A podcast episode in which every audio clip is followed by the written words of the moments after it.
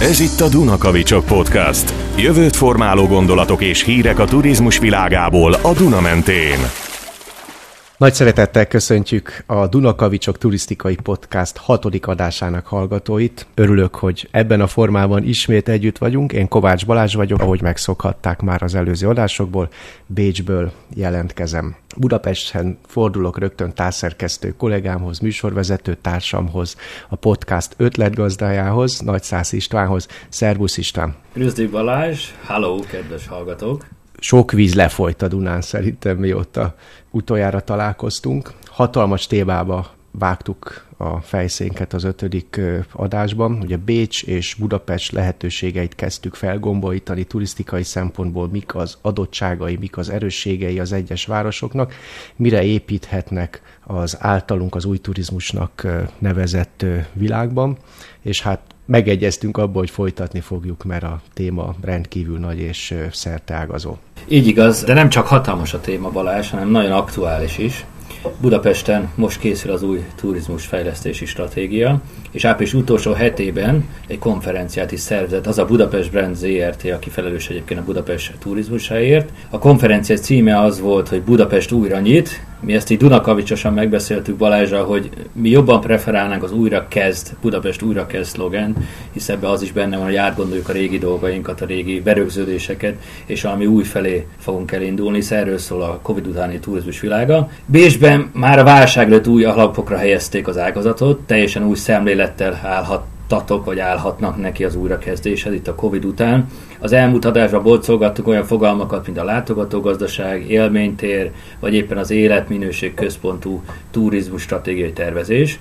Aki esetleg nem hallotta volna ezt az adást, akkor most utalunk rá, hogy érdemes visszahallgatni, Mert hiszen építünk ezekre a fogalmakra, meg az ott elmondottakra nagyon magas dolgokról beszélgettünk ott is. A Budapest újra nyit konferencián Balázs pedig éppen te beszélgettél azzal a Norbert Kettnerrel, aki a Wien Tourismus igazgatója, és az ő nevéhez fűződik a 2019-es teljesen újszerű megközelítésben életre keltett Bécsi turizmus stratégia. Az egyik kérdésedre az volt a válasza, akkor a visitor economy-ról, a látogató, vagy a mi hívjuk látogató gazdaságról beszélgettünk, hogy abba különbözik a visitor economy a szokásos, vagy a régi turizmus stratégiáktól, nem csak a, a klasszikus turistákra épít, vagy üzleti utazókra, hanem a vizitorok, a látogatók közé bevonja azokat a külföldieket, akik mondjuk Bécsbe élnek, vagy ott tanulnak, vagy éppen nem bécsiként, hanem vidékiként meglátogatják a várost, tehát sokkal szélesebb spektrumra lő ez a, az a visitor economy, mint a hagyományos turisztikai stratégiák.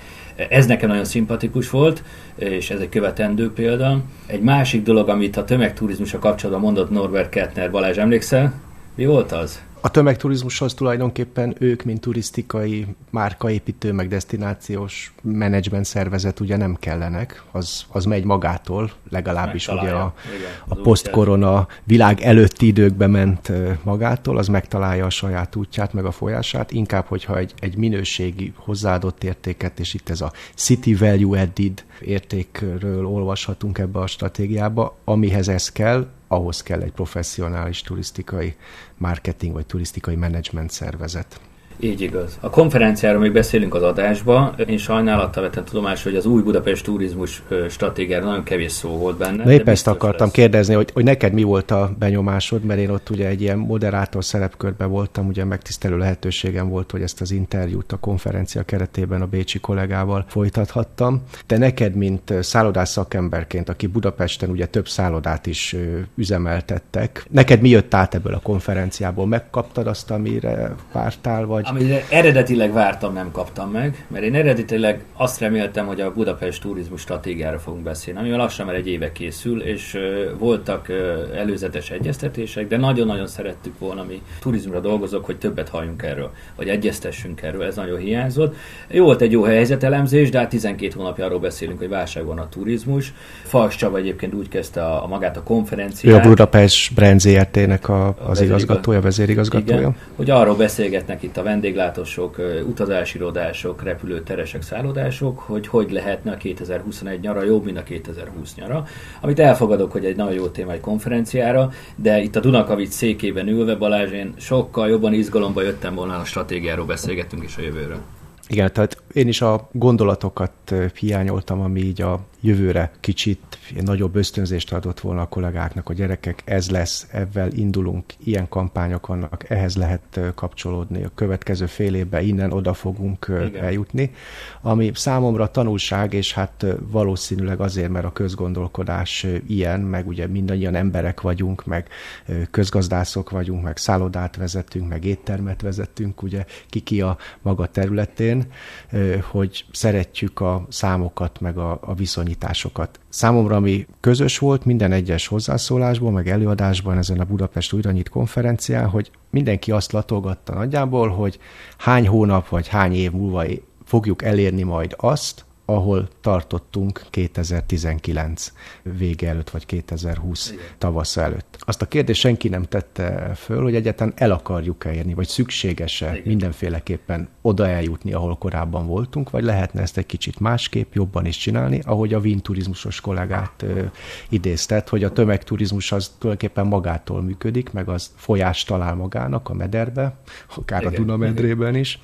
Inkább itt ugye azt kéne megnézni, hogy mik azok a vágyott célok. dolgok, meg célok, amire most lehetőség van, hogyha nem újra nyitunk, hanem újra kezdünk, akkor együtt ezt megvalósíthassuk. Hát ugye az egyik ilyen, hogy új indikátorok kellenek. Ugye a múlt adásban már elkezdtünk ebben foglalkozni, most itt tartom a kezembe az általad hivatkozott stratégiát, ugye a Bécs látogató gazdaság stratégiáját, amiben 2025-re fontos célokat tűztek ki. És ebbe például ilyen célok vannak számszerűsítve, hogy ugye a kiinduló állapot a 2018-as, meg a 2019-es, és 2025-re miket szeretnének elérni.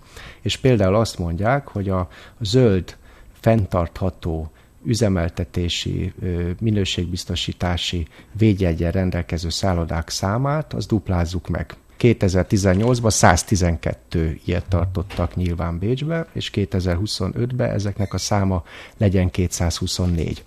Vagy például egy másik indikátor, hogy az autóval és a vasúttal érkezők aránya hogyan változzon meg ebben a viszonyításban azt mondták, hogy mi 2018-ban többen érkeztek autóval, mint vasúttal, addig 2025-ben ez az arány forduljon meg, és már többen érkezzenek Bécsbe vasúttal, mint autóval.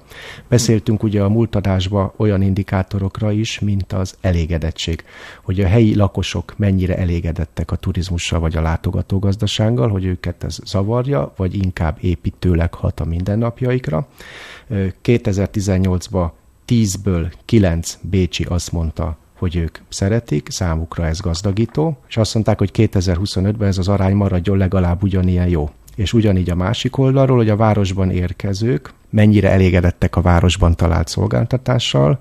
2018-ban 10-ből 9 turista, látogató azt mondta, hogy ő azt kapta Bécsben, amit vált, és ugye egy indikátor a jövőre nézve, hogy ez az arány továbbra is ilyen kiemelkedően jó maradjon. Na most ilyen indikátorokat nem hallottunk, ami Semmiért számomra azért biztatóbb volt, például ott a Budapest gyógyfürdő részéről a vezérigazgató asszonynak az előadásában, hogy ő megpendítette azokat a jövőképeket, amiről mi is beszéltünk az elmúlt adásban, hogy ha valami erőssége Budapestnek, a nagy világvárosokhoz képest, az itt a fürdőkultúra és a fürdő kincs, a gyógyvíz kincs, amin ugye ott ülnek két millió budapesti, hogy ennek a megnyitását, hozzáférését a helyi lakosság számára. Ugye eddig a budapesti gyógyfürdői tulajdonképpen 90%-a a vendégkörüknek külföldi volt. Ez nyilván változni fog a jövőben, és szerintem ennek változni is kell. És ebbe az előadásba éreztem azt, hogy itt egy kicsit ilyen gondolatváltás volt, hogy tegyük hozzáférhetővé a, Pontosan, a budapestiek igen. számára a, a, a gyógyvízkincset, volt. és ezt a regenerálódásba, a COVID utáni prevenciós kúrákra, illetve a post-covid kúrákra használjuk, mind prevenciós jelleggel, mind pedig rehabilitációs jelleggel az egészségmegőrzés céljából.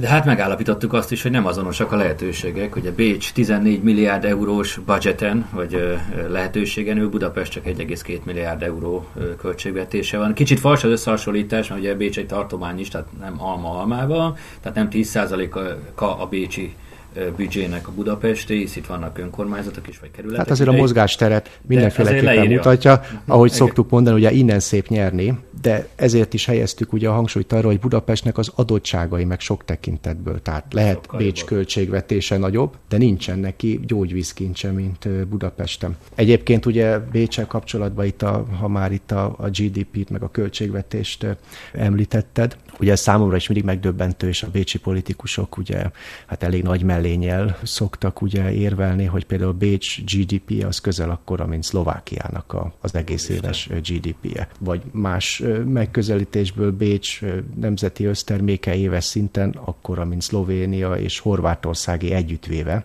Tehát mikor az egy igen. bécsi polgármester vagy egy tartományfőnök ugye elmegy Szlovéniába, akkor ő mondjuk a szlovén miniszterelnökkel egy szinten érezheti magát, vagy, vagy, vagy még erősebbnek érezheti hm. magát, hiszen fele annyi a szlovén GDP, mint a, mint a, a Bécs városnak. Tehát ugye ezek nyilván gazdasági potenciál meg adottság, de mi turisztikai szempontból elemezzük a lehetőségeket, és azért, hogyha így nézzük, nagyon sok minden Budapest szempontjából helyzeti előnyként értékelhető.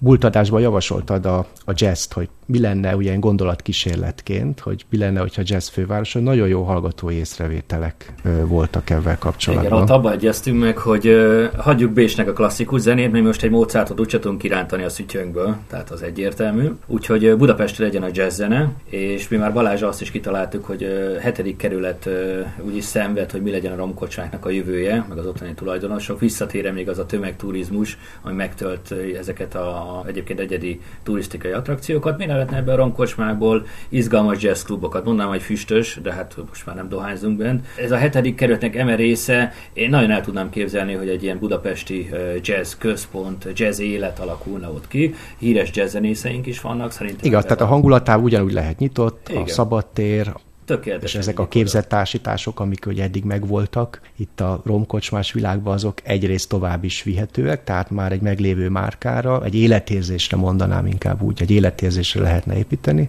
és meg lehetne további tartalmakkal, kulturális programokkal tölteni. És, és aki a jazz zenét szereti, jellemzően ez egy 40 pluszos korosztály. Egyébként viccesen hozzáteszem, hogy az a 40 pluszos, aki 10 évvel ezelőtt elkezdett a romkocsmákba járni, tehát csak visszajönne, de nem a modern zenét hallgatni. Ugyanaz a célcsoport igen. igen, igen, mert az idő múlik. Említetted a gyógyfürdők és a, a, a gyógyfürdő prezentációt, ami elhangzott a Budapest Úranyit konferencián. Ugyanezt mondta el a vezérigazgató asszony Szűcs Ildikó, amiről mi is beszélgettünk, hogy nagyon kevés nem budapesti és fiatalabb korosztály látogatja a fürdőket. Pontosabban fiatal látogatja, hisz a 30% a budapesti fürdők látogatóinak 30 év alatti, de ezek szinte mind külföldiek vidékre Igen, itt ugye, és azt beszéltük is a múlt adásban, hogy ez egy nagy különbség Bécshez képest, hogy míg Bécsbe a helyi lakosság jár fürdőkbe, addig Budapesten a, a külföldiek. Tehát ezt Igen. érdemes lenne itt ugye a, az arányokat kicsit helyre tenni. Igen, és a vezérgazda hogy bemutatta, hogy 2021-23 Budapest gyógyfürdőknek új stratégiát készítettek itt a Covid után, és az egyik küldetésük éppen ez, hogy széleskérű hozzáférés biztosítsanak budapestiek és a, és a magyar vendők részére mindenféle kedvezményrendszerrel a, a, a fürdőkben. Ez nagyon szimpatikus. Hajrá. Az is, az is elhangzott egyébként, nagyon érdekes, szívünkben tudjuk, hogy Budapesten van a világ legtöbb gyógyító termálkútja egy helyen vagy Budapest az egyetlen főváros, ahol öt különböző történelmi fürdő található. Vagy éppen a, ha az Instagramot nézzük, amihez én nem értek, de, de nagyon sokan nézik, a, a top 10 legjobban Instagramolható, azt így mondják magyarul. Instagram kompatibilis, igen. igen. Még szebben magyarul mondva. A tízből kettő Magyarországon van. Széchenyi és a Gellért. Igen, tehát ezekre, ezek olyan értékek, amikre érdemes a marketingbe Igen. is építeni és vinni. Tehát Bécsebbe például nagyon ügyes, ők úgy pozícionálják magukat, ugye, mint a zöldváros, és a világ egyetlen olyan fővárosa, annak 17% a mezőgazdasági termelés alatt van. Ugye ez a szőlőkultúra, a Grinzing meg a Nussdorfi szőlőültetvények. És ők ezt nagyon tudatosan beépítik a márka stratégiába holott üzenetében, meg potenciájában szerintem közelébe sincs annak a potenciálnak, amit Budapest egyedisége fürdők jelenlétében megvan. Pontosan. Tehát ez egy sok, sokkal erősebb USP, vagy akár mondok mást, amit szintén említettünk, és a konferencián a Norbert Kettner, mikor ugye, hát végül is ugye a Bécs világmárka, és ennek a világmárkának, meg a brandnek az építésében az a vinturizmus elég erősen részt vesz, és akkor megkérdeztem tőle, hogy ő mit tart Budapest erősségének, pontosabban mi jut először eszébe, mikor ugye Budapest nevét hallja, és rögtön azt mondta, hogy az a, az a grandiő, az építészetbe visszaköszön, és a szimbiózisa a Dunával, hogy ott egy integráns része a városképnek, az egy teljesen egyedülálló, és, és üzente a budapestieknek, hogy Bécshez hasonlóan a budapestiek is legyenek tudatában annak, hogy a világ egyik legszebb hanem a legszebb városában Igen. élhetnek, legyenek erre büszkék, és ezt minden nap tudatosítsák magukat, és így keljenek föl, és örüljenek ennek, és már is jobban indul a nap. Jobban érzik a ott lakók. Igen, azt mondta, hogy tökéletes szimbiózis egy nagy folyónak és egy nagy városnak. Very special, azt hiszem így kezdte. Igen. És egyébként látszott, hogy őszintén... Tehát, hogyha ők ezt így látják, akkor ezt, akkor ezt nekünk, nekünk is így használni kell. Igen, a folyékony főutcáról beszélgettünk hogy sokkal jobban bele kellene vonni a folyót a városlakok életébe, vagy turizmus életébe. Ez egy lehetőség. Aztán még egy dologról, ami fontos lenne Budapest életében, egy igazi bevásárló út, van egy gyönyörű Andrási útunk, évek, tizedek óta beszélgetünk, hogy, hogy a shoppingolás az része a turizmusnak, és ez valahogy nem alakul ki. Ez egy örök terv marad, de mindenképpen kellene rajta dolgozni, hogy, hogy az András... Igen, tehát ez a hallgató legyen. észrevételekben is szépen előjött, ugye, amikor itt beszélünk a Kertnestrászéről Bécs esetében, meg hogy Bécs milyen tudatosan fölépítette a shoppingot is, mint terméket. Ugye ez az arany U betű, a Kertnestrásze, Graben, Kolmarkt U betű, hogy Budapesten ez hiányzik, tehát a Váci utcát nem lehet bécsi léptékben összehasonlítani ehhez az arany. Ugyanakkor ott van nekünk egy Andrási utunk, egy gyönyörű sugárutunk, ami ráadásul az UNESCO világörökség része, és alulról jövő kezdeményezésként amúgy is van egy kezdeményezés, hogy legyen a shoppingnak a, a fővárosa, hogy ezt a városüzemeltetés, városmenedzsment részéről jobban kéne koncipiálni, és szerintem egy ilyen megközelítésnek illetve egy ilyen eszközrendszernek, ami ezt támogatja, helye lenne egy új Budapest turizmus stratégiának, ami egyébként elkészült, tehát az előadáson elhangzott, hogy elkészült az új budapesti turizmus stratégia, csak még ilyen-olyan belső jóváhagyása van, de hát remélhetőleg hamarosan megismerhetjük. És nagyon reméljük, hogy a Dunakavicsok podcastba bedobott kis kavicsok kellő hullámokat vertek, és egy-két gondolat, vagy tovább gondolt gondolat eljut ebbe a stratégiába, Igen. vagy visszaköszön. Andrási útról még egy gondolat, Balázs. Ugye nálunk itt Budapesten április 20 talán 6-án volt a úgynevezett terasznyitás, ezt így hívja mindenki.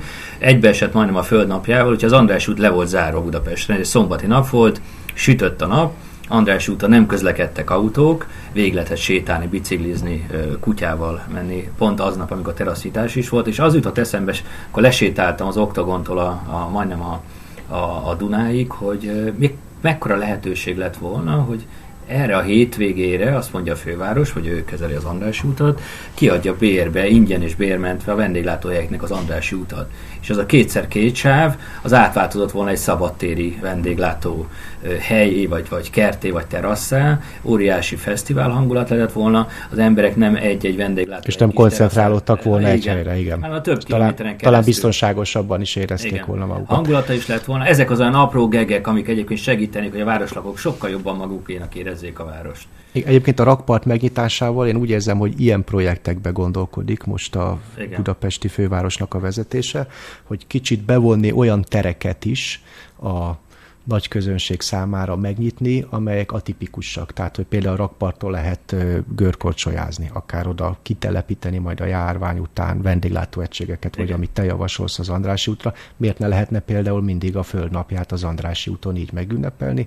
Hozzá ki kell dolgozni egy koncepciót, és akkor évente rotálva más-más budapesti vendéglátósoknak tiszta feltételek mellett ezt Igen. meg lehetne pályázni, és akkor nekik is egy jó reklám, kapcsolatépítés, új közönség megnyerése, úgyhogy szerintem az ilyen ötletekre szükség van, és kell hogy teret kapjanak. Ugye a városvezetésnek ugye a feladata, hogy ehhez ösztönző rendszert, meg koncepciót szállítson. Nyilván nem nekik kell mindent megvalósítani.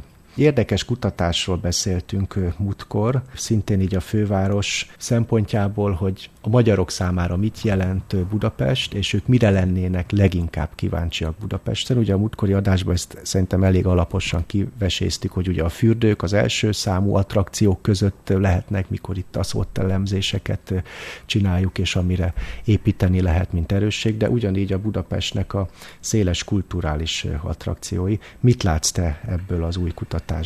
Megjárta a sajtót egy felmérés, az Everges turisztikai tanácsadó és szolgáltató cég felkérésére a tár kivégzett egy hiánypotló felmérést, és akkor úgy robbant be a sajtó, hogy minden ötödik magyar utazó eljönne Budapestre, az az egy millió fő. Egy millió ja, emlékszem, igen. igen. igen egy millió belföldi készül Budapestre. Igen, igen, igen. Azt tudnunk, hogy 2019 az utolsó békében a, a vendégek 8%-a volt belföldi Budapesten, ez 7-8 ezer vendég egyébként, tehát tényleg nagy szám lenne. A felmérésnek inkább azon részei voltak érdekesek, ami nem mindenhol jelent meg. Volt egy olyan kérdés, hogy azok a honfitársaink, akik szívesen jönnének egyébként Budapestre, milyen programok miatt tenné meg, miért tenné meg, és 60%-a azt mondta, hogy kulturális programok miatt jönne Budapestre. 37% a gyógyfürdők miatt.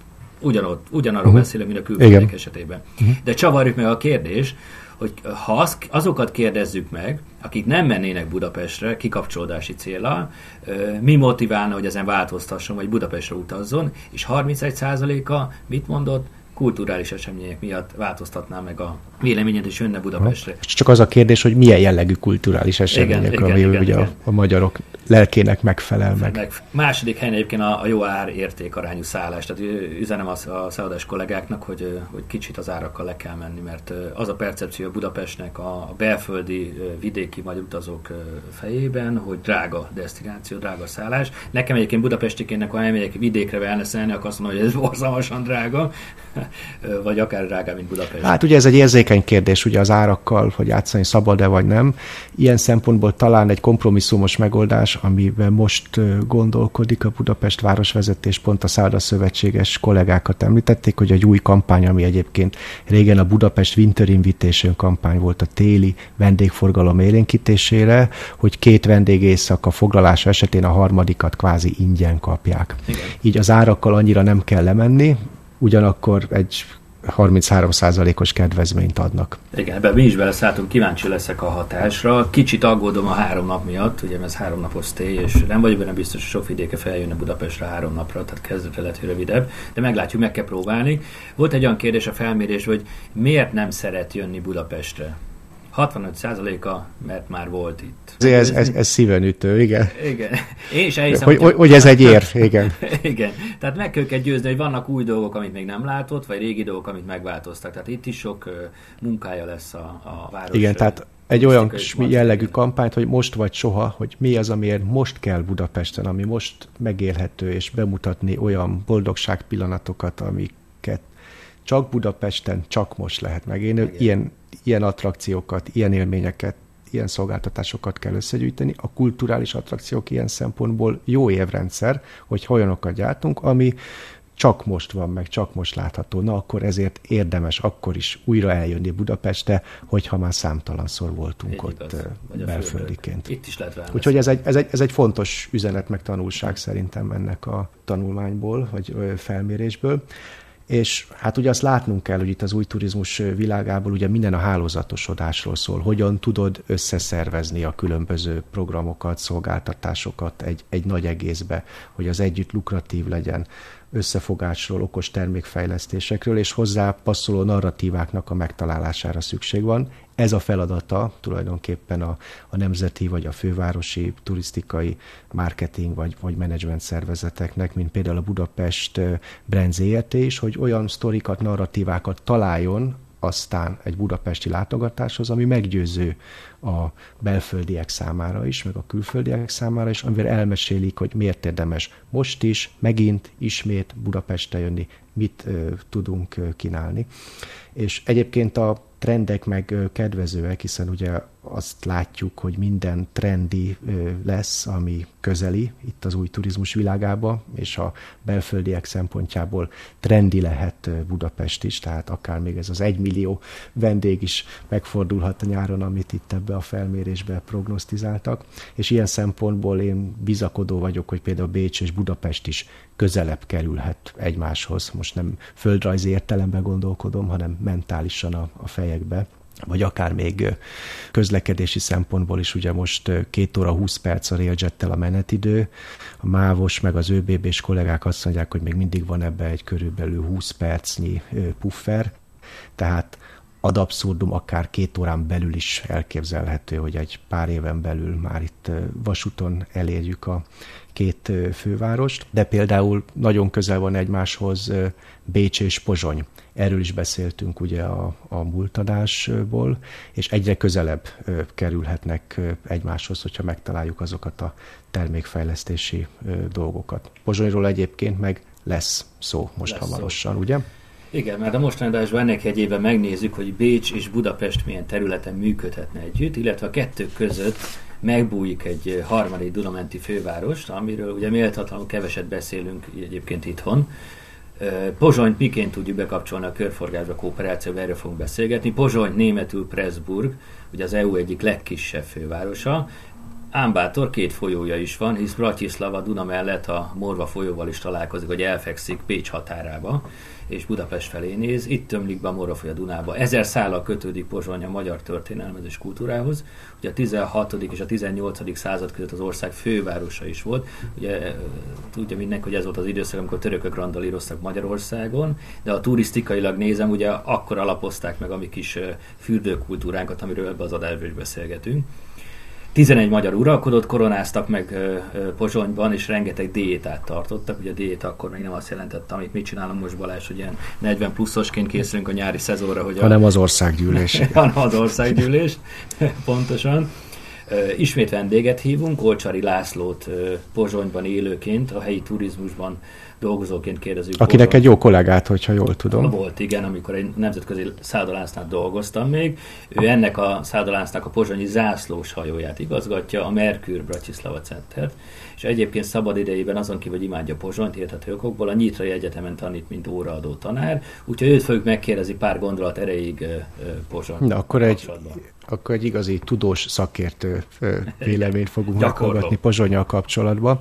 Ráadásul gyakorló szakembertől, amit fontosnak tartunk, és egy külföldön élő magyartól, ami részben szintén küldetése a Dunakavicsoknak, hogy bemutassuk, hogy a szakmában is mennyi jól képzett magyar élszert a nagyvilágba. Ugye már volt Svájcból vendégünk Hegedűs Máté is, és tervezzük, hogy a későbbi adásokban is hívunk vendéget. Pozsony, Bécs, Magyarország fővárosa, ugye említetted, ez mindig ilyen kognitív diszonancia az osztrákoknál, amikor ugye kérdezik, hogy hogy érezzük magunkat itt a családban, és akkor mondom, hogy teljesen otthonosan, ugye magyarként Bécsben élve, hiszen mi itthon vagyunk, tehát ugye Magyarország fővárosa volt a középkorban, és azért Ausztriában a történelmi oktatás nem annyira komoly, mint Magyarországon, amit egy nagy hátrányának érzek az osztrák közoktatásnak, és akkor mindig pironkodnak, mert ők nem tudják tulajdonképpen ezt a, a tényt, hogy Bécs az Magyarország fővárosa. Volt, ahogy Pozsony is ugye a Reformország gyűlések idején. Úgyhogy tulajdonképpen itt a storytellingbe fontos lenne, hogy ilyen témákat is edukálva, játékosan fölvezessük. Jó értelemben mondani, hogy mi milyen közel vagyunk egymáshoz. Közelebb, mint hiszen, gondolnánk együtt éltek a, a, az őseink is, és jobban, mint gondolnánk, és ez is egy ok, hogy jobban megismerjük egymást. És bár ugye ez a jövő turizmusával foglalkozó podcast, de mint tudjuk, a múlton nyugszik a jelen és azon a jövendő. Egy érdekes összefüggésre hívta föl egyik ausztrai magyar ismerősöm a figyelmemet, hogy Budapest székes fővárosnak a 30-as években már volt külképviselete Bécsben. Nem és nagyon érdekes az analógia, egy iparművészeti folyóiratba, egész pontosan az Iparművészeti Társulat 1931-es kiadványába talált erre a tényre rá. Az hm. apropó az volt, hogy iparművészeti szempontból méltatták, hogy Budapest székes fővárosunk milyen kevés forrásból milyen leleményesen, ugye itt a magyar kreativitás és leleményesség Igen. megint elő, megoldotta, hogy legyen Bécs szívébe egy külképviseleti irodája, a mostani Bristol Hotel mentén ez a Kertnerstrasse és az Opering sarkán van, az Oppenheim palota, és annak egy kapu aljába egy portás lakást vettek tulajdonképpen meg, és ott alakítottak ki. A cikk tanúsága szerint egy nagyon szép kivitelezésű, akkor a legkorszerűbb technikával és design elemekkel berendezett irodát, aminek az volt a feladata, hogy mind a bécsieknek, mind a Bécsbe látogató, ahogy akkor mondták, hogy a cikkbe olvasható nyugatiaknak. Fölhívjuk a figyelmüket, hogy nem olyan messze itt van egy másik Dunapenti metropolis, amit érdemes meglátogatni, és hogy milyen az élet, ugye azóta eltelt 90 év, és itt tartom a kezembe ezt a cikket, ami úgy kezdődik, és azon szomorkodik, hogy lám-lám, mennyi magyar jár Bécsben, és milyen kevés osztrák meg bécsi költi Budapesten a pénzét. Eltett 90 év, és nem sok minden változott. Nem, Azt mondja a cikk, nem. hogy szomorú statisztikai megállapítás számunkra, hogy mi nagy számbeli különbség Bécs és Budapest idegenforgalma között. Természetesen Budapest hátrányára, írja a cikk szerzője. A legtöbb nyugati utazó utolsó állomása Bécs, és innen már nem megy tovább keletre, nem jön le hozzánk. Érdekes ez a szóhasználat is, hogy nem jön le, tehát hogy valóban a Duna Bécsből Budapest irányába folyik. Valószínűleg innen jöhet ez a analógia. Szóval még az autón utazók közül is csak kevesen ruccannak le Budapestre, pedig őket csábítja a két fővárost összekötő kitűnő műút. Egyébként 1930-ban adták a Bécsi utat, ugye a Budapestet Bécset összekötő aszfaltozott műutat át. Az utasok zöme a pénzt, a forgalmat jelentő tömeg azonban elmaradt tőlünk. Próbálkoztak már azzal, hogy bécsi száldaportásokat nyerjék meg a budapesti utazás propagandájának, de ez sem járt kielégítő eredménnyel, stb. stb. stb. és oda jutottak, hogy mindenképpen megokolt gondolat volt tehát Budapest székesfőváros részéről a Bécsi idegenforgalmi hivatal felállítása, és itt megneveznek egy bizonyos Kovácsházi Vilmos székesfővárosi tanácsnokot, akinek az érdeme a Bécsi idegenforgalmi hivatal gondolata és megvalósítása.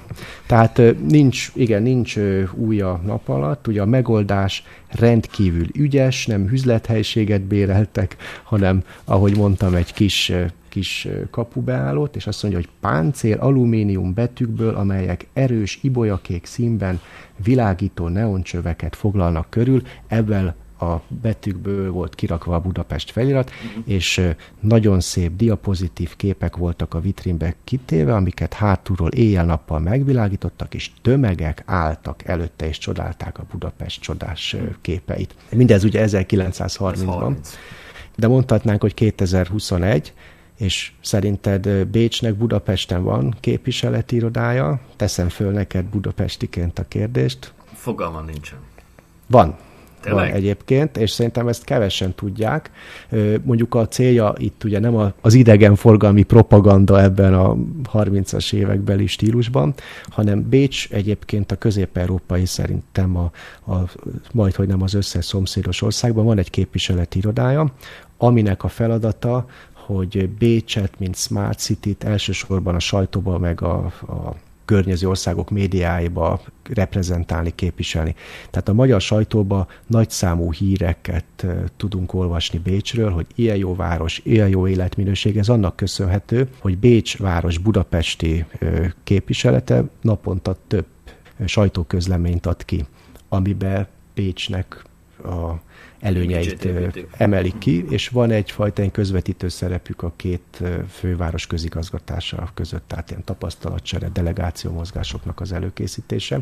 Nem lenne talán ördögtől való ötlet, hogyha mondjuk Budapest székes fővárosunk is hát, föl, föl, fölzárkózna amit ez olvastál, szerintem megokolt, hogy legyen. Igen, megokolt Igen, megokolt, lehet. hogy legyen Bécsbe egy Budapest képviselet. Hát pedig az, a jó együttműködésekre a múltban is uh, rengeteg példa volt. Például, ezt tudta Balázs, hogy a két világháború között Pozsonyt és uh, Bécset villamos kötötte össze.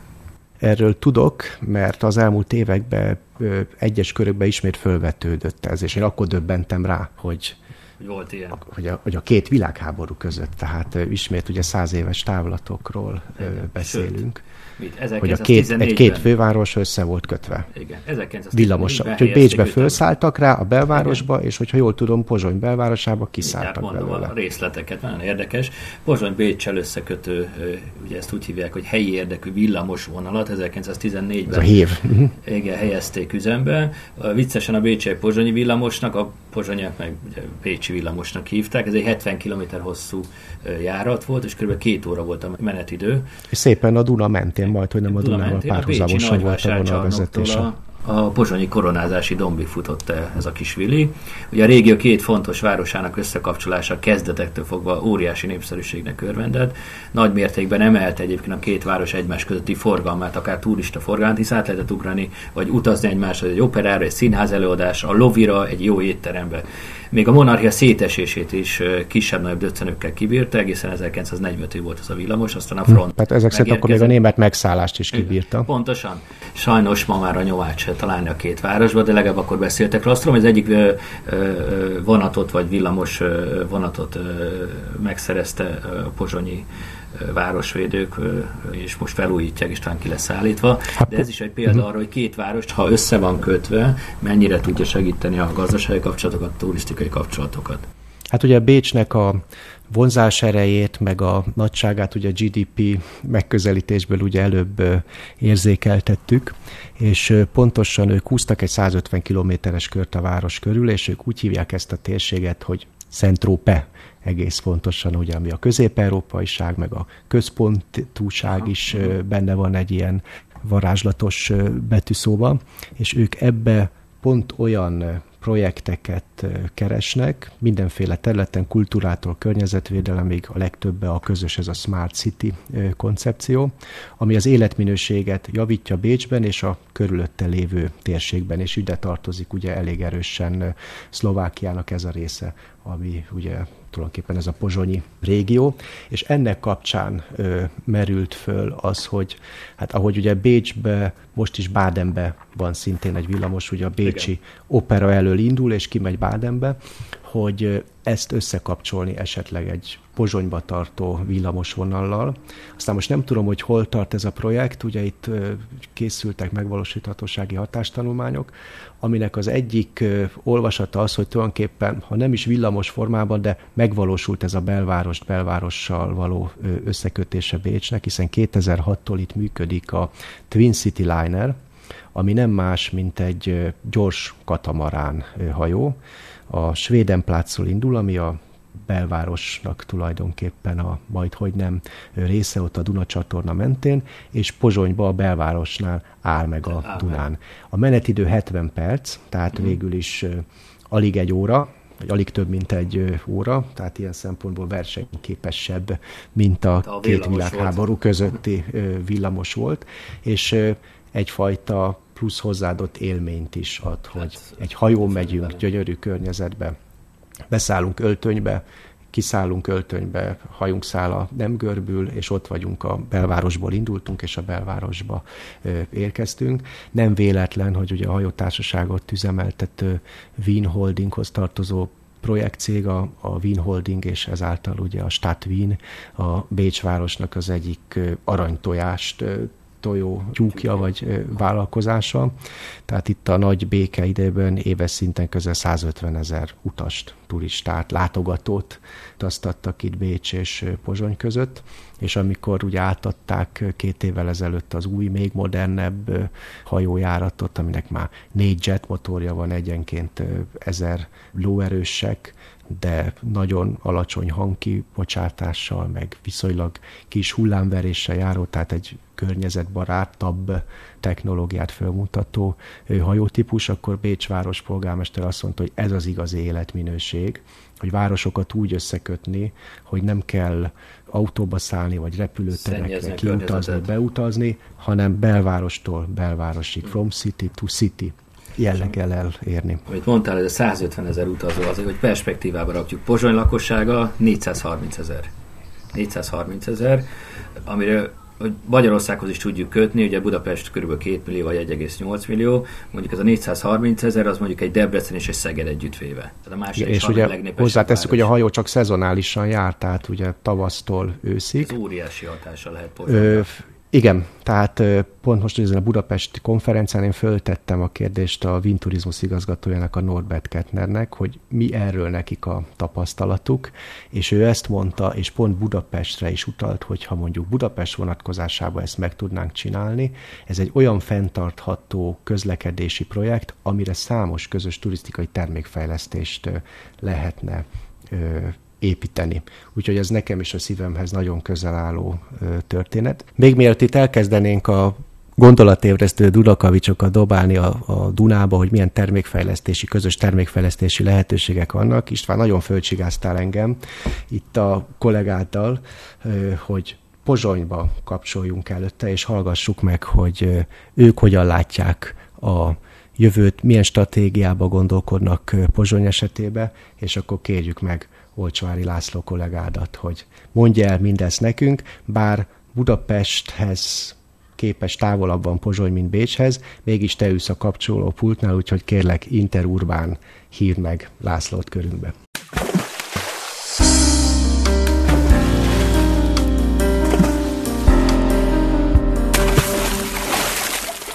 Olcsvári László Pozsonyból a mikrofon túlvégén. Szervusz István, üdvözlöm a hallgatókat! Laci, itt boncolgatjuk Budapest, Bécs és Pozsony turisztikai helyzetét és összefüggéseit a műsorban. Hallom, hallom. Kérdés, Pozsony helyzete, pozícionálása Bécs és Budapest között megbújva, illetve milyen lehetőségeket látsz a jövőben, mi az aktuális stratégia nálatok Pozsonyban? Hát az aktuális stratégia inkább egy ilyen enyhe szlogennek mondanám, főleg a 2021-es évben, ami arról szól, hogy csupa élmény és csupa zene. Hát így a Covid kellős közepén, amikor nagyon kevés vendég érkezik, akkor egy egészen érzelmemre ható mondattal jött a város, és azt mondta, hogy 2021-ben csupa élmény és csupa zene. Hát eddig élményekben nagyon sok részük volt.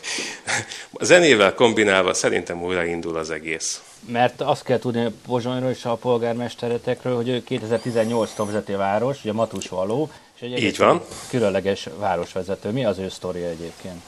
Hát az ő sztoria egy, egy, egy, egy sikertörténetnek látom ma. Ugyanis a progresszív Szlovákiának a pártjából keveredett a polgármesteri székbe, ami egy teljesen új irányvonal számunkra, ez egy nagyon pozitív vonal. Tehát ez egy nagyon fiatalos uh, csapat, aki egyértelműen a szakmaiságot uh, vette figyelembe, ugyanakkor célkitűzése az volt, hogy Pozsony élhetővé, zöldé és még kellemesebbé teszi. De az ő eredeti szakmája nem politikus, nem? Nem, nem, nem, ő nem politikus, tehát uh, egy igazi zenei szakember, tehát ő egy uh, zenész, és szakmailag pedig egy építész. Tehát egy építészről beszélünk, aki valószínűleg éppen ezért az érzelem és a csupa zene nem véletlenül keveredett a 2021-ben a szlogenje a városa. Laci, Bécset és Pozsonyt, ez a Twin City Liner már összeköti egy ideje. Érzitek a hatását ezt a leisure vagy a business szegmense vagy vendégekre? Azért visszatérnék a múltban, hogy a városnak és Pozsonynak a legfontosabb a legfontosabb része az üzleti turizmus volt, és évekig az üzleti turizmus volt az, ami akár 70%-ban vitte a, a, a, a turisztikai számokat. Amikor megjelentek a, a vendégek, az igazi turisták, akkor ez a Twin City Liner, ez egy tökéletes lehetőség volt arra, amikor Bécsből érkezel hajón, és a, a sok zöld között egyszer csak megjelenik a pozsonyi vár, és egyszer csak mindenki felnézett, hogy ups, egy főváros van itt mellettünk, uh-huh. úgyhogy egyértelműen igen. Tehát magát a, a fontosságát a Twin City Linernek úgy gondolom, hogy ez egy további lehetőség azért, hogy kinyitottuk azt a kaput, ami a Dunán keresztül érkezik. Tehát azt elmondhatjuk, hogy Pozsony fő turisztikai szegmens az üzleti utazók. Így van. Viszont a szabadidős turisták is már nagyobb hullámokba jönnek. Én emlékszem arra, amikor a Sky Europe Isten nyugosztalja, nem is tudom mikor hunyt el szegény. Igen. Ez a légitársaság nagyon sok vendéget itt Pozsonyra, vagy Pozsonyba. És Tudom, akkor... hogy merre mész. Igen, mond. Akkor folytasd innét. És mi volt, az a, mi volt az a marketing stratégia, ami alapján sikerült idehozni a vendégeket, ugye? Igen. igen. Arra gondoltál. Erre, tehát, erre. A, tehát a sör és a nagyon szép Adriana Sklanázsikova a Skydrop uh, légitársaságok fedélzetén. Igen, terveztek ilyet? Azt hiszem, hogy egy picit megváltozott most már így 2021-ben, hogy mi az, ami eladja a várost. Tehát meggyőződésem, hogy a, a pozsonyi kifli, a bécsi szakhertorta és a magyarországi zserbó az most már nagyon kevés ahhoz, hogy, hogy a következő generáció is mi az a generáció, aki utazik nem sokára, miért keresi fel ugyanazt a várost, ahová megy. Ilyen tekintetben hatalmas lehetőségeket kínál majd Pozsony. Gondolsz a, a Duna és a természet kapcsolatára Pozsonyban? Arra gondolok, hogy konkrétan a nyugalom. Tehát Pozsony nem arról volt híres, és nem is kell, hogy arról legyen híres, hogy a turisták tömege hömpölyög a városban. Tehát, és ez lényegében egész Szlovákiára is jellemző, mert hogyha konkrét számokról beszélünk, a, a hazai összterméknél, tehát 2,74%-ról beszéltünk 2018-ban, amit egy ilyen 3,5, akár 4%-ot el tudja érni a GDP arány, a turisztikai eh, hozzájárulása az egésznek, és éppen ebben is azt mutatja, hogy eh, eh, nagyon csak gyerekcipőben volt Szlovákia. Nehéz csatlakozni, és nehéz fölkeveredni egy olyan háromszögben, ami bár Bécs és Pozsonyt emlegetted, de hát egy Bécs, Prága és Pozsony háromszögről beszélünk. Tehát egy ilyen kis testvér, aki így félúton mindenki felé ott van. Picikét kevésbé néztek rá, ugyanakkor Pozsony az elmúlt időszakban bebizonyította, hogy nagyon fontos szerepet tölt konkrétan a turisztikai részében. Tehát akkor azt mondjuk, hogy míg Magyarországon kb. 10% a GDP-nek a turizmus, addig nálatok Szlovákiában ez csak 3%. De Így van. Fontos a turizmus. Uh, igazából innét Budapestről nézve a pozsonyi turizmust, én a Covid utáni időszakban azért óriási lehetőséget látok nektek. Éppen azért, mert a város, amit kínál, az egy ilyen nyugalmas hely, ahol nem hömpölyögnek az emberek, tehát egy alapvetően egy nagyon zöld városról beszélünk, ahol a saját hangulatában nem tudom, mikor voltak a hallgatók legutóbb Pozsonyban, de hát az az igazság, hogy az a az az életérzés, amit, amit kapsz a városban, az nagyon különleges, és és ezért mindig is Pozsony rettentő különleges volt. Tehát nincs olyan étterem, nincs olyan kávéház, amiben beülsz, és a szomszédasztalnál e, csak turistákkal vagy körbevéve. Tehát e, minden egyes vendég, akivel beszélgetek, e, azt mondja, hogy azért szeretik Pozsonyt, mert egy biztonsági érzetet ad számukra, hogy a szomszédasztalnál helyi emberek ülnek. Tehát Ilyen tekintetben ez, ez, azt hiszem ez a biztonsági érzet, ez rettentő fontos lesz a következő időszakban hanem sokkal autentikusabb, mint hogyha csak bemész egy nagy európai főváros belvárosába, talán a felszolgálón kívül helyi ember nincs is, meg nem is Így laknak van. ott, tehát sokkal autentikusabbnak tűnik az élmény. Ráadásul Bratislava méreténél fogva egy jó besétálható város, és most Covid kapcsán pont a, a, a biztonságról úgy is beszélünk, hogy ne tömegek hömpölyögjenek egy városba, és ott te legyél az ezredik turista. Így van, azért legyünk kritikusak is, tehát lényegében a, a, az egész infrastruktúra, ami, ami kialakult Szlovákiában, és ez jellemző Pozsonyra is, ez egy picit elmaradott. Tehát ennek vannak történelmi okai, hogy ez miért volt, mégis csak egy nagyon fiatal fővárosról beszélünk, ahol a, a, a legnagyobb befektetések a, a korábbi fővárosban, Prágába keveredtek. Úgyhogy van mit behoznunk, tehát lényegében ez a hátrány lehet a közeljövőben egy előny is, éppen azért, mert mert igen, nem fog nagyon sok turisztikai busz hömpölyögni a városban, egyszerűen azért, mert, mert a következő pár évben nem is lesz, ennyire. A, a másik pedig el se bírná a város, igen, tehát legyünk lényegében, lényegében kritikusak is. Igen, még nyugat-európai utazó szemmel egy pozsony kaliberű város, ez a, ugye ez a hidden gem kategória, ami, amit lehet, hogy pont azért lesz divatos, mert, mert nem annyira divatos. Érted, Így van. Gondolok? Igen, tehát viszont az életérzés és a, és a kultúra és, a, és az új generáció az az, ami, ami körbeveszi és lényegében a, a város élményét, az nagyon csak pózussá tudja tenni. És ráadásul Pozsonynak a megközelíthetősége, ugye vasúton, autópálya, repülővel a Twin City Liner azért bele van kötve az európai vérkeringésbe, tehát tehát akkor azt mondjuk, hogy Pozsony erősség a Covid utáni időszakban ez a fajta uh, autentikus uh, storytelling, hogy helyekkel tudsz keveredni a kávézóba, és akár Olcsári Lacival megint egy eszpresszót a képkék munka közben. Így van. megnézni a, a, a, a Dunát. Aztán az, hogy Pozsony bejárható, rengeteg az outdoor, igen, az outdoor attrakciót meg tudnak nézni. Így van. Ráadásul Pozsony egy felmérésben a második legzöldebb európai fővárosként szerepel, ha jól tudom. Így van, nem is csodálkozom, mert nagyon sok barátom, aki a, érkezik Pozsonyba, esetleg külföldről, rettentően rácsodálkoznak, hogy mennyire zöld ez a város. Persze arra is rácsodálkoznak, hogy véce van a lakásokban, tehát ez a posztkommunista megítélése az országnak, tehát ez rettentően benne maradt különböző generációkban.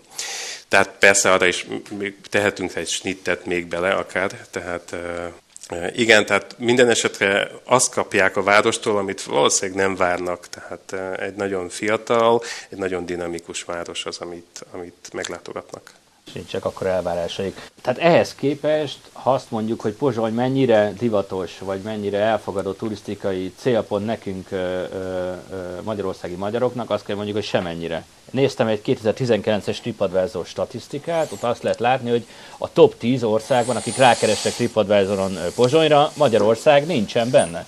Én ezzel nem csodálkozom, tehát valószínűleg, hogyha ugyanezt a statisztikát megnéznénk a másik oldalról, tehát amikor Szlovákia keresi Magyarország életet, valószínűleg nem tudom, ennek lehet egy ilyen geopolitikai része, lehet egy ilyen konkrét gondolat, amikor a, a szlovák turista Horvátországba utazik, akkor vagy a Bécsi autópályán keresztül, vagy Magyarországon keresztül megy. Tehát viszont a több generáció él ugyanazokból az élményből, amiből, amiből, aminek mi is részesé voltunk. Tehát a Balaton az ugyancsak rezonál. A, Végül a, közösségi élmény a szocializmus. Így van, ugyancsak a magas táthai sítanfolyamok és a sielések, ez is hozzátartozik. Tehát igen, van még egy olyan generáció, ami, amiből, ami ebből csak él, viszont az új generáció az egy teljesen más dolog, amit keres. Néha nagyon közel van egymáshoz a két destináció, azért, hogy lássuk. Ennyire fontos lesz viszont a Covid után is, mennyire lesz ez fontos, hogy hová utazunk, az, az viszont egy új lehetőséget ad mind a két ország számára. Tehát, hogyha ezt jól tudjuk kezelni a két ország közelségét és a turisztikai látványosságait, és ezt össze tudjuk simítani, azért meggyőződésem, hogy ebben nagyon sok lehetőség rejlik. Biztos, hogy van potenciál ennek a két országnak, ebben együtt kellene dolgozni, akár Ausztriával a három ország együtt. Egyébként Bécs-Pozsony átjárás turisztikailag? Bécs-Pozsony inkább úgy jellemző, hogy Bécs érkezik Pozsonyba, Pozsony érkezik Bécsbe, tehát vannak egy ilyen shopping része, tehát ez nagyon jellemző Magyarországra is. is. Viszont azt szeretném mondani, hogy amikor meglátogatja a magyar vendég a Pándorfot, akkor hatalmas lehetőség van, hogy Pozsonyban éppen elszállásolja magát. Tehát ez rettentően jellemző, hogy a, a, a magyar vendég, amikor Pozsonyba érkezik, mint turista, akkor az egyik látványossága az a, a, a shopping turizmus, tehát menjünk át Pándortba és vegyünk egy új pólót. Laci, a MICE, a fenntarthatósága vagy a kulturális turizmus, ezek mennyire hívó szavak most a szakmában a szlovák kollégák körében? Ha egy picit visszamegyünk a múltban, akkor ehhez hozzátartozik az, hogy 2006-tól 2009-ig az összes nemzetközi szállodalánc megnyitotta az új szállodáját Pozsonyban. Tehát egy olyan fejlesztési hullám indult a városban, ami ugyan 2009-ben tudjuk, hogy egy kicsit gazdasági recesszióval párosult, tehát azért nyúltam vissza a, a múltban, mert a szállodai kínálat egyértelművé tette az, hogy a, a MICE megtalálta helyét Pozsonyban. Tehát még régen nagyon nehéz volt megfelelő mennyiségű kapacitást kapni a, a rendezvényszervezőknek Pozsonyban, és nagyon drága lett a város éppen emiatt, hogy a kapacitási hiányok azok... A, a szállásai azok, kapacitás. Így van, a szálláshelyi kapacitás az nagyon alacsony volt, éppen ezért megjelent a, a MICE. Ugyanakkor, amikor egy döntő többségében üzleti utazóktól beszélünk, ezért nem is, nem is annyira elhanyagolható az, hogy, hogy, hogy miért jelent meg a MICE. Tehát amikor a rendezvényszervezők Bécs, Prága és Budapestet már kipróbálták, akkor itt volt a, a, a régióban egy olyan város, amit, amit föl lehetett venni a listára. És a rendezvényközpont, vagy konferenciaközpont van Pozsonyban, ami ezt ki tudja szolgálni, ha már van szállás hozzá? Ha összehasonlítom a mm, akár a két várossal, tehát konkrétan Bécsel és Budapesttel, akkor nem. Tehát van egy kiállító tervünk, egy hatalmas, maga az Incheba, ahol egy nagyobb rendezvényeket meg tudtak szervezni. Maga a konferencia központ építése az 2020-ban lett aláírva, és a következő három évben elkészül. Tehát ennek is kezdtek az építésének. Így van. Akkor már belehagytátok Budapestet, mi 30 éve tervezzük. Meggyőződésem, hogy annak a kapacitása nem lesz olyan nagy, mint a Budapest, tehát... De még megsérül. Igen, de, de merünk kicsiket álmodni, tehát nem, nem feltétlen nagyokat, de kicsiket álmodunk, igen. És Laci, a, sportturizmus, ez is egy fontos szegmens Pozsonyban, ugye van egy új Így stadion. Van. van egy új stadion, most már nem nevezzük annyira újnak, hát ez igen csak tíz évvel ezelőtt elkészült, de nagyon használják, tehát eh, ezt egyértelműen érezni. Az üzleti turizmus mellett megjelennek a jégkorongversenyek, és hát ilyen tekintetben rettentő fontos az, hogy Szlovákiában igenis ennek múltja van, a múlton kívül pedig jövője. Ez itt a Dunakavicsok Podcast. Turisztikai hírek, jövőt formáló gondolatok a Duna régióból. Jó nagyot csobbant ez a kavics már majd, hogy nem szikla, ahogy itt a Jiglibe hallottuk. De szerintem találó is az analógia, mert hogy egy kis kavics is tud nagyot csoppanni. Én ezt vontam le itt, a, most itt figyelmesen hallgatva a beszélgetéseteket, hogy ez az erőssége Pozsonynak, hogy ő egy kisváros, de mégis főváros és Igen. a szlovák kollégák szerintem nagyon ügyesen ráéreztek, én figyelem őket már az elmúlt évben több kampányuk kapcsán is, és ezt az analógiát, hogy Szlovákia valamiben kicsi, de mégis okos, és ezáltal nagyjá tud lenni.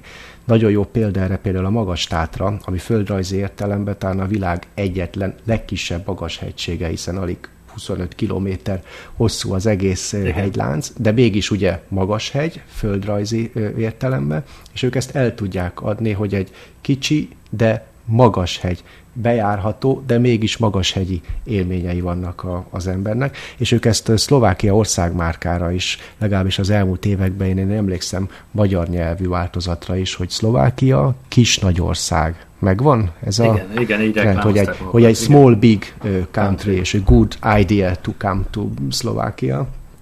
És szerintem ez nekik egy nagyon jó irány, hiszen Pozsony, ahogy itt Laci meg a te beszélgetésedet hallgatva, számomra az jött ki, hogy egy nagyon élhető, egy zöld város, ugyanakkor infrastruktúrába, szolgáltatásba minden tud, amit a nagyok.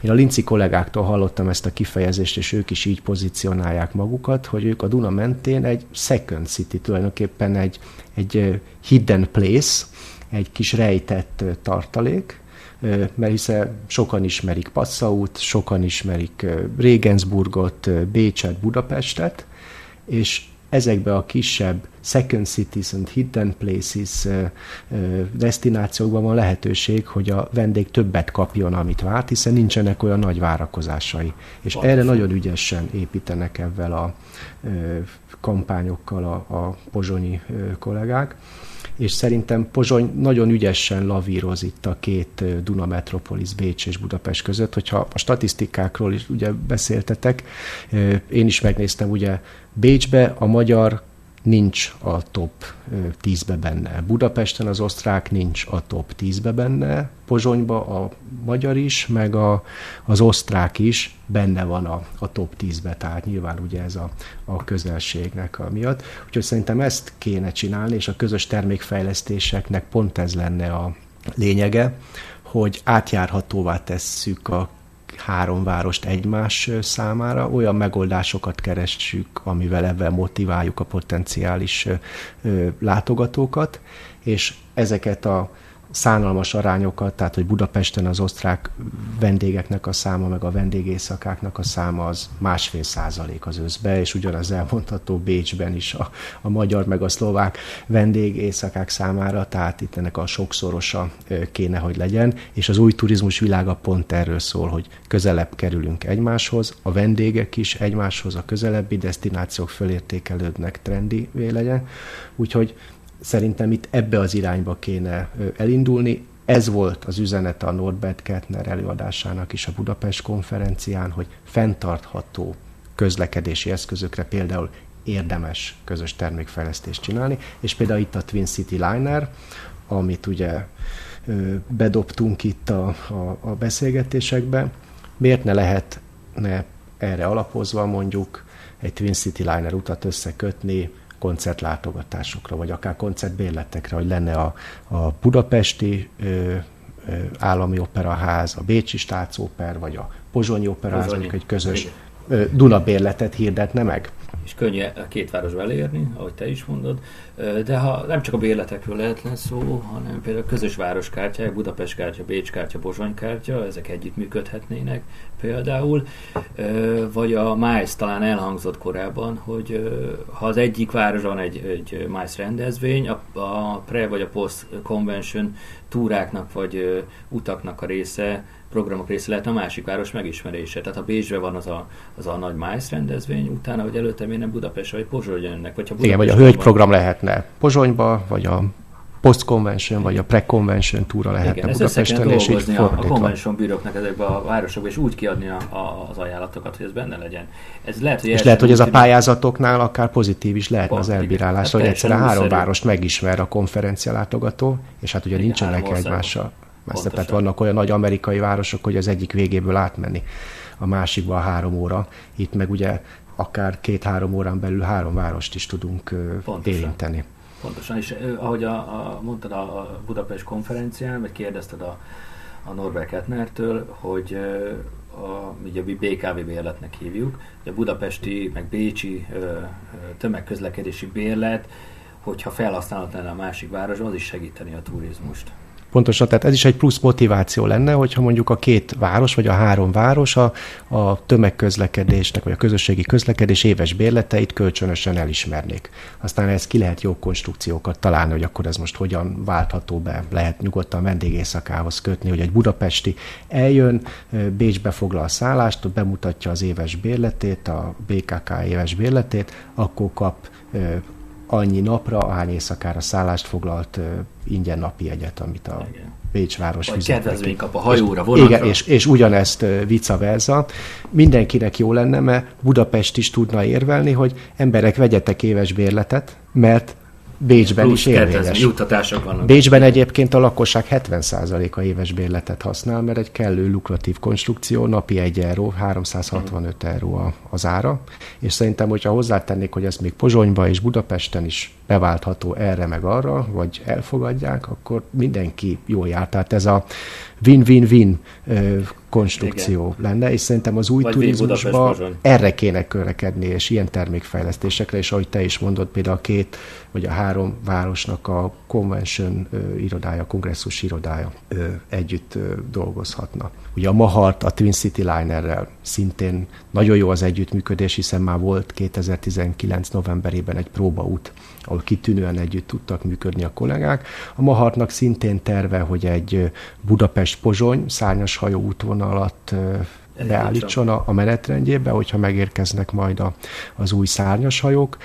A Twin City Liner tudja Pécs és Pozsonyt ezt nyújtani, egy menetrend összehangolásával közös programokat össze lehet tenni, és csomagként lehet kínálni. Úgyhogy bőven vannak itt lehetőségek. Van még egy ötlet, ugye, van egy szegmens, aki a régióban él, és segíthetni a mi turizmusunkat. Kire gondolsz? Hát határon túli magyarokra. Igen, tehát ugye e, való igaz, és ugye ez elsősorban ugye nekünk magyaroknak egy hatalmas rejtett lehetőség, hogy bárhova megyünk a környező országokban, mindenhol saját magunkkal vagyunk körbevéve. Ez egy történelmi adottság is, de egy lehetőség is. Annak idején, míg a Turizmus ZRT-nek az ausztrai külképviseletével mi erre építettünk egy mozgalmat, ugye, mert a feladat az volt, hogy minden évben több és több vendéget. Pénzünk nem nagyon volt hozzá, hogy reklámtevékenységet csináljunk, és akkor szükségből erőny. Mit tudunk csinálni? Megszólítani a Ausztriában élő magyarokat. És erre kitaláltuk a, az osztrák zászló színeire hajazó a Rotweiss Rotin Ungárn mozgalmat, aminek az volt a lényege, hogy minden itt élő magyarnak van osztrák ismerőse, barátja, szomszédja, rokona, hogy őket szólítsák meg, és ajánljanak magyarországi utakat. Mi azt vállaltuk, hogy a magyar szolgáltatóktól, fürdőktől, szállodáktól, éttermektől kedvezményes ajánlatokat begyűjtöttük. Mindenkire rábíztunk, hogy mit a saját üzletpolitikájának megfelelően volt, aki mézes kalács szívet adott, aki erre a mozgalomra hivatkozott, volt, aki 3 plusz 1-es akciót, volt, aki x százalék kedvezményt, volt, aki egy plusz masszázs vagy egy welcome koktélt mm-hmm. adott. És ezt Facebookon, meg egy mikroszájton összegyűjtöttük ezeket az ajánlatokat, azokat propagáltuk, hogy menjél Magyarországra, és hogy azt mondod, hogy a Rótveszrót mozgalom keretében érkeztél, akkor ráadásul ezeknél a szolgáltaták, szolgáltatóknál még kedvezményt is kapsz, és ez nem került semmibe, csak a a munkaerőben, a, a, a munkaidőbe, és egy nagyon pozitív hozzáadott értéket adott, egy közel 7000 úgynevezett ilyen Rótweiszót nagykövetet gyűjtöttünk Aha. magunk köré, akik itt élő magyarok, vagy magyar affin osztrákok, akik ajánlották az ismerőseiknek, mert teljesen életszerű, hogy megkérdeznek téged, te Ausztriában magyarként itt élsz, Magyarországra tervezzünk menni nyaralni, mit ajánlsz? És mindenkinek van ötlete, amit el tud mesélni, de azt tudja mondani, hogy nézd meg ezt a mikroszájtot, itt további tippek, ötletek vannak, ráadásul kedvezményeket is kapsz, hogyha ezen keresztül foglalsz, vagy erre hivatkozol. Úgyhogy a term termékfejlesztésbe ezt is érdemes lenne bevonni, és amikor ugye azon gondolkodunk, hogy hol lehetne még plusz utazóközönséget megszólítani, vagy elég lesz-e Budapestnek a belföldi utazóközönség, nyilvánvalóan nem, akkor honnan tudunk még meríteni, és itt én csinálnék, mondjuk ennek a már jó kipróbált analógia mentén a világ magyarságának egy kampányt, hogy hazatérés kampány, gyertek Budapestre, vagy gyertek a Balatonra nyáron, vagy gyertek a magyar fürdőkbe, gyógyuljunk együtt, pesdítsük föl magunkat, és akkor utalok a korábbi adásokba a C-vitamin kampány javaslatunkra, és egyebeket, ezeket összefüggeni, és szerintem ennek lenne egy érzelmi hozzáadott értéke is. Ígértük a múltkori adásban, most már megint az órámra pillantok István, és látom, hogy kezdünk nagyon-nagyon hosszúak lenni. Bár a hallgatók többsége azt mondta, hogy a podcast ez egy ilyen műfaj, hogy lehet hosszabban is beszélgetni a témákról, hogyha az érdekes. Hát ugye kérdés az, hogy mennyire érdekes, amit mi mondtunk, de én találtam... Mi élvező Balázs, ez a lényeg. Igen, igen, én találtam most egy nagyon érdekes kimutatást, amit még itt a adás vége felé megosztanék a, a hallgatókkal, ha már itt ennyi ilyen gondolatébresztő kavicsot dobtunk a Dunába, és az pedig abba az irányba mutat, amit már itt kerülgettünk régóta, mint macska a forrókását, hogy ugye a fenntarthatóság a turizmusban mennyire fontos, és a Euromonitor kihozott egy nemzetközi rankinget, amiben meglepően jól áll ez a közép-európai általunk Duna régiónak nevezett térségnek az országai. Egész pontosan például az előbb említett Szlovákia a hatodik legfenntarthatóbb úti cél. Ugye az előrejelzések szerint a társadalmi és a környezeti értékek, a fenntarthatóság ugye az egyre inkább előtérbe kerülnek majd jövőben, az új turisztikai stratégiák központjává válnak. Olvasható egy közleményben, amit az Euromonitor jelentéséről szól, és itt ez egy százas listát, száz országot vizsgáltak a, a nagyvilágba, minden országot a fenntartható turizmust alkotó hét paraméter mentén vettek górcső alá, és összességében a rankingbe a régi országaiba többen is bekerültek. A rankinget Svédország, Finnország vezeti, rögtön harmadik helyen ott van Ausztria, ami számunkra fontos. Aha, Svéd, Finn, Hatodik Ausztria. helyen ott van Szlovákia, tizedik helyen ott van Szlovénia, majd 13. Horvátország, 14. Cseh köztársaság, Magyarország ott a 27. helyen, mondom, egy százas listáról van szó, és ugyanakkor vannak olyan alkategóriák, mint például a fenntartható közlekedés, ahol Magyarország, vagyunk, nem? meg most oda lapozok, ahol Magyarország a nyolcadik ezen a százas listán. Tehát vannak alkategóriák. Itt ugye azt vizsgálták, hogy a vonattal elérhető céloknak a száma az egyes országokban milyen nagy, és itt Magyarország kifejezetten jól áll, tehát a vasútra érdemes ö, odafigyelnünk, mikor termékfejlesztésekről beszélünk. Egyébként ezen az allistán Ausztria az első helyen áll, nem véletlen. Ugye ezen a héten adott kép az ÖBB egy friss közleményt, hogy folytatják a hatalmas infrastruktúrális beruházásaikat a következő öt évben további közel 18 milliárd eurót fektetnek be a vasúti infrastruktúra fejlesztésébe, a hm. komfort növelésébe. Ugye indulnak most már hamarosan május végétől a Night Jet szerelvények, amivel elérhető lesz az Adriai tenger is Bécsből, Amsterdamba is új járat indul. Ugye beszéltük már korábbi adásokban, hogy az év végére Párizs is elérhető lesz Nigettel, és a következő egy-két évben 13 ilyen új úti, úti cél lesz. Tehát ebben csak ugye azt akarom mondani, hogy sokszor mi alá szoktuk magunkat becsülni itt Közép-Európába, hogy nem vagyunk kellően tehetségesek, nincsenek kellően jó termékeink, és pont ezek azok a listák, amik meggyőznek minket, hogy pont a jövő szempontjából ahol ezek az értékek, mint fenntarthatóság, környezettudatosság, vagy akár a korábbi adásokban, amikor a turizmus versenyképesség indexen végnéztük, hogy higiéniába milyen jók ezek az országok, mind ott vagyunk, hogyha akár a V4-ek, akár ha a korábbi adásokban elemzett C5-ös országcsoportról beszélünk, Ausztriával, szomszédos országokkal válvetve, az élbolyba. Tehát ez egy komoly potenciál, komoly lehetőség, amire kutya kötelességünk szerintem építeni, mikor itt az új Pontosan. turizmus világáról beszélünk. És ugye a három ország közös kampányokkal kellene ezeket a erősségeket kiemelni és. Ráadásul a V4-ek országcsoportba a idén második fél évben Magyarország lesz a soros elnök, tehát Igen. soha jobb lehetőség nincs most nekünk, mint magyar kreatív gondolkodásunkat, az ötleteinket bevinni, és közösen a szomszédokkal, szövetségeseinkkel ezt megvalósítani.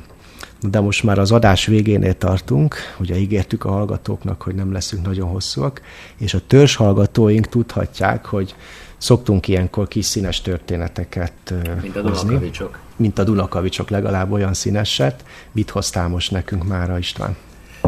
Hát nézd Balázs, te mindig az Ahet reklámozod, ezt hogy az orrod alá dörgölöm. Talán azért, hogyha egyszer a kis... Hát egyszer vagy kétszer beszéltem róla. Valahogy Pedig... kreatívak és sokat jönnek szembe, ennek az az oka. Ez igaz. Ez Mert én most nem voltam gyakran Zaherben. De majd Bár meg... ha akarnám, ha már Zahert mondod, bocsánat, megint jöttek egy új koncepcióval, ugye beszéltünk már a Zaher Szaparéról, beszéltünk a Zaher Drive-inről a korábbi Igen. adásokból, és most van képzeld a, a Zaher Drive Home hogy otthonra megrendelheted az ahertortát. Itt ugye még mindig zárva vannak az éttermek, uh-huh. csak a elvitere lehet rendelni, de ha a zahertortát kívánsz, megrendeled, és Bécsbe ingyen házhoz szállítják. Jön egy kis ilyen elektromos, ugye fenntartható közlekedési aha, eszköz, igen, egy kis elektromos rollerrel, jön hmm. egy Zaher boy, csönget hmm. és hozza a Zaher tortát, tehát ez a Zaher Drive-in, de Drive home. Isten lássa a lelkemet, hogy nem kapunk érte pénzt az ahertől, csak valahogy úgy tényleg sokat jönnek szembe, most éppen rollerrel. Rollerrel. Isten bizony, megvan a védettségi igazol, igazolványom, a múlt héten kaptam, az első utam oda vezettem az Ahárba, hogyha a, kiteltem a lábam az országból, Balázs is meghívsz Végre csinálhatunk egy olyan podcastot is, hogy nem virtuális kapcsolat van köztünk. Igen, igen, igen, igen. Na de a kis színesedhez vissza. Igen, tehát te az Ahert reklámozod, pedig nekünk is van legendás süteményünk Magyarországon, ami maga korábban ugyanolyan híres volt, mint az Ahert. Ott melyik az Balázs? Rákóczi túros. Egyértelműen, nem? nem arra gondoltam egyébként. Pedig a Rákóczi túrosak, ha már nem mindegy, akkor, akkor elmondom. Mert nem tudom, halljuk, hogy, halljuk. hogy tudtad-e, hogy kiről nevezték el eme édességet? Hát gondolom Rákóczi fejedelemről. Téves válasz. Rákóczi János volt a hát most nem Akkor emlékszem B. pontosan mikor, de így a két világháború közötti időszakban a Gellértnek a főcukrásza. Uh-huh. És ő jött ezzel a, az ötlettel, hogy ez a tojáshab ugye megkeményítve, kicsit túróval és baraclekvárral rálocsantva egy nagyon kreatív mazsolás édességet kreált, ez a Rákóczi túrós, és semmi köze a fejedelemhez. Bocsánat, ez most csak így... Ne, jó, de akkor, ezt nem a, tudtam. Ezt nem akkor, tudtam. ha nem a Rákóczi, akkor talán Eszterházi, vagy Dobos, Na, Dobos pontosan, ugyanis... Dobos C. József. Dobos C. József, ugye a híres pesti cukrás mester, bocsánat, 1884-ben készítette el a róla elnevezett édességet, és egyébként az első budapesti országos általános kiállításon, már akkoriban ilyenek is voltak, mutatta be a nagy közönségnek, és óriási siker volt, kóstolói között volt például Erzsébet királyné, vagy első Ferenc József is, és a dobostort a villámgyorsan Európa szerte ismerté vált. Miért? Mert más volt, mint az addig, eddig megszokott torták, a külcsiny is, meg a beltartalom is, ugyanis ezzel az egyszerű eleganciájával mindenki előtt ott van a dobostorta. Akkoriban inkább az emeletes, cicomás torták voltak megszokottak. A másik titok... Hiszem hét rétegnek kell állni ugye a klasszikus recept alatt, hét csokoládékrém réteg. Igen, másik titok ez a vajkrém volt, amit te is mondasz, amelyet akkoriban még nem ismertek, a torták inkább főzött krémekkel készültek. Mind ez a csokoládés vajkrém, mind a, a tésztának a masszája dobos találmánya volt, és a célja az volt, hogy olyan tortát készítsen, amely akkor egy kis, hát mondjuk úgy, hogy elmaradott hűtési technikai mellett is hosszú ideig fogyasztható legyen és szállítható. Így például a dobos tortát társszekéren sózott jég között szállították a műhelyéből Nyugat-Európába szerteszély a nagyvárosokba. És Pécsbe is megérkezhetett, Igen. mert a mai napig Igen. ugye a klasszikus K&K cukrásztáknak az ajánlatában az Eszterházi mellett és az Aher mellett ott van a dobos is, és nem SCH-val írják, hanem betartják a De magyar helyesírást. Nagyon perelnénk őket. Igen. És egyébként sokan próbálták utánozni, és itt válik ez lassan az Aherrel az ő története. Nagyon bosszantották a silány utánzatok, úgyhogy visszavonulás akkor 1906-ban úgy döntött, hogy a fontosabb a minőség, mint a titkolózás, ne keressen ezen pénzt senki. Átadta az eredeti receptet az ipartestületnek, aminek tagja volt a fővárosi cukrás és mézes kalácsos ipar. Azzal a feltétele, hogy bármelyik ipartestületi tag ezt a receptet használhatja szabadon, tehát nem kérte fizetnie. És itt vált el a két termék, hiszen az Aher addig egy most egy védett receptúra szerint készül, ugye ebből Ajaj, igen, az originál, éves, meg az echte. Igen, az Aher háború. A, a dobostorta az egy, az egy nyílt forráskódú sütemény, hogy így mondjam, úgyhogy nyilvános lett a receptúra. Egyébként szakíróként is dolgozott a Dobosz C. József, egyik legismertebb műve a, a magyar-francia szakácskönyv, ami egyébként nekem is megvan, az a hűtőkre a korának hogy kell föl. Néha fellapozom, múltkor vettem fácánt, föllaptam a fá, föllapoztam a fácán húslevesnél, mondjuk az első mondatban az volt, hogy hat napig lógassam a kamrába a fácát, akkor azt mondom, hogy... És használjon vánca sütőpont hozzá. az visszacsuktam, úgyhogy ő, ő, ő, nagyon nagy szakember az ő korában és amire ki akarok ebben lyukadni, most gondoljunk bele, hogyha mondjuk a cukrászok vagy az országmarketing összefogna, és a termék felélesztésével, megfelelő márkázással, storytellinggel lehetne újra Budapestnek egy ikonikus világhírű süteménye. Tehát ha B. Zaher, akkor Budapest legyen a, a, a vagy a dobostorta, vagy a Rákóczi túros, vagy ezt nehezen ejtik ki, vagy a zserbó. Igen, amikor a Szamos itt Bécsbe cukrászdát nyitott, ugye ők pont ezzel jöttek, hogy a dobostortával reklámozzák. Nekik a cégérüknek ki is van írva, hogy Szamos, Wien, Budapest, és a kirakatba, a plakátokon, meg az előtérben mindenhol a dobostortát teszik. Nagyon helyesen illő és üdvös, és ahogy a kollégával beszéltétek, ugye a pozsonyi kifli, a szahertorta, a dobostorta vagy a zserbó, ugye ezek mind olyan kulturális gasztókincsek, amit lehet használni a Ezt nem kell csak élni kell vele. Kicsit ki, leporolni, felpofozni, az imidzsét helyre rakni, és lehetne egy ilyen marketing eszköze a, a városnak. Na, következő adásig biztos, hogy még egy jó pár zahertortát, dobostortát, eszterházi snittét, vagy akár mákos pozsonyi kiflit el fogunk fogyasztani. Remélhetőleg egy felívelő időszak vár ránk, egyre több sikerélmény lesz itt az ágazatban, ahogy kezdődhet a, az újrakezdés, vagy a, az újraindulás, ha minden igaz, itt Ausztriában is május 19-től megnyithatnak majd a, az éttermek, szállodák.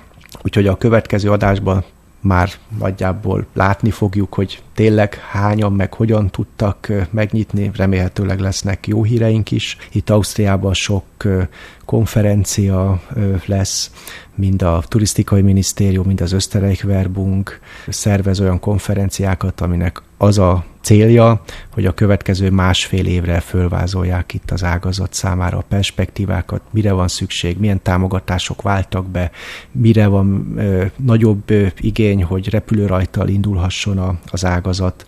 Az Österreich Verbunk szervez egy nemzetközi fórumot, amiben az új turizmus témáit, a digitalizációt járják körbe egy e-campus nevű rendezvényen. Kíváncsi vagyok, szerintem megvárjuk a következő Igen. adással ezt a sok-sok eseményt, és akkor egy újabb összefoglalóval is remélhetőleg friss gondolatokkal jelentkezünk, amihez meg szükségünk van a hallgatóknak az inspirációjára és a további gondolataira. És visszajelzéseire, és szükségünk van eszmerecsérékre és friss gondolatokra. Nem tudom, hogy kitalálod-e, hogy mi az, amit itt csörgetek. Szerintem a édességet itt Így igaz. Képzeld el, Dunakavics érkezett. A elmúlt napokban hozta a posta. Egyik kedves hallgatónk, innen is köszönöm neki a kedves gesztusát és figyelmességét, Dunakavics Nagyon bombont küldött nekem Bécsbe, átjátszva a járványügyi vasfüggönyt és minden egyéb nehézségeket képzeld el ígéért. Úgyhogy most én nagyon motivált vagyok, és ezt ropogtatva tudunk készülni itt a következő Akkor adásokra. megegyezném, hogy én is szívesen fogadnék csomagot 1063 Budapest Munkácsi utca 5 hét. Bármilyen édességet megeszek, legyen az a torta Bécsből. De ha kijössz Bécsbe, akkor szabadon foglak, és egy dobos tortára a vendégem vagy. a dobosért nem megyek. Igen. Zahárért. akkor jó, legyen a Zaherbe a, a Zaher, megbeszéltük. Tehát várjuk a, az ötleteket, gondolatokat, pozitív visszajelzéseket. Fontos, hogy az iTunes-on is értékeljék a podcastunkat, hogy másokhoz is eljusson a híre. A Facebookon és a YouTube-on is ott vagyunk, állítsák követésre a műsorunkat. A gyűjtő oldalunk az az Ankor FM, itt is megtalálható egybe a Dunakavicsok podcast összes száma, jelenleg mind a hat, és Istvánnak köszönhetően most már a LinkedIn is ott vagyunk. Hát hiába az őszülő halánték is képes fejlődni, és a szociális médiába ekkora lépést tettem, és megcsináltuk a, a Dunakavicsok turisztikai podcastnak az oldalát. Kérjük, kövessenek minket itt is, kommenteljék a, az adásokat. E-mail címünk továbbra is változatlan, podcastkukacdunakavicsok.hu nagyon szépen köszönjük kitartó, hosszú távú figyelmüket, minden szépet és jót kívánunk a viszonthallásra. Bécsből. És Budapestről. Köszönjük szépen viszonthallásra. Ez volt mára a Dunakavicsok turisztikai podcast. Benne a jövő gondolatait tolmácsoló Nagyszász István és Kovács Balázs.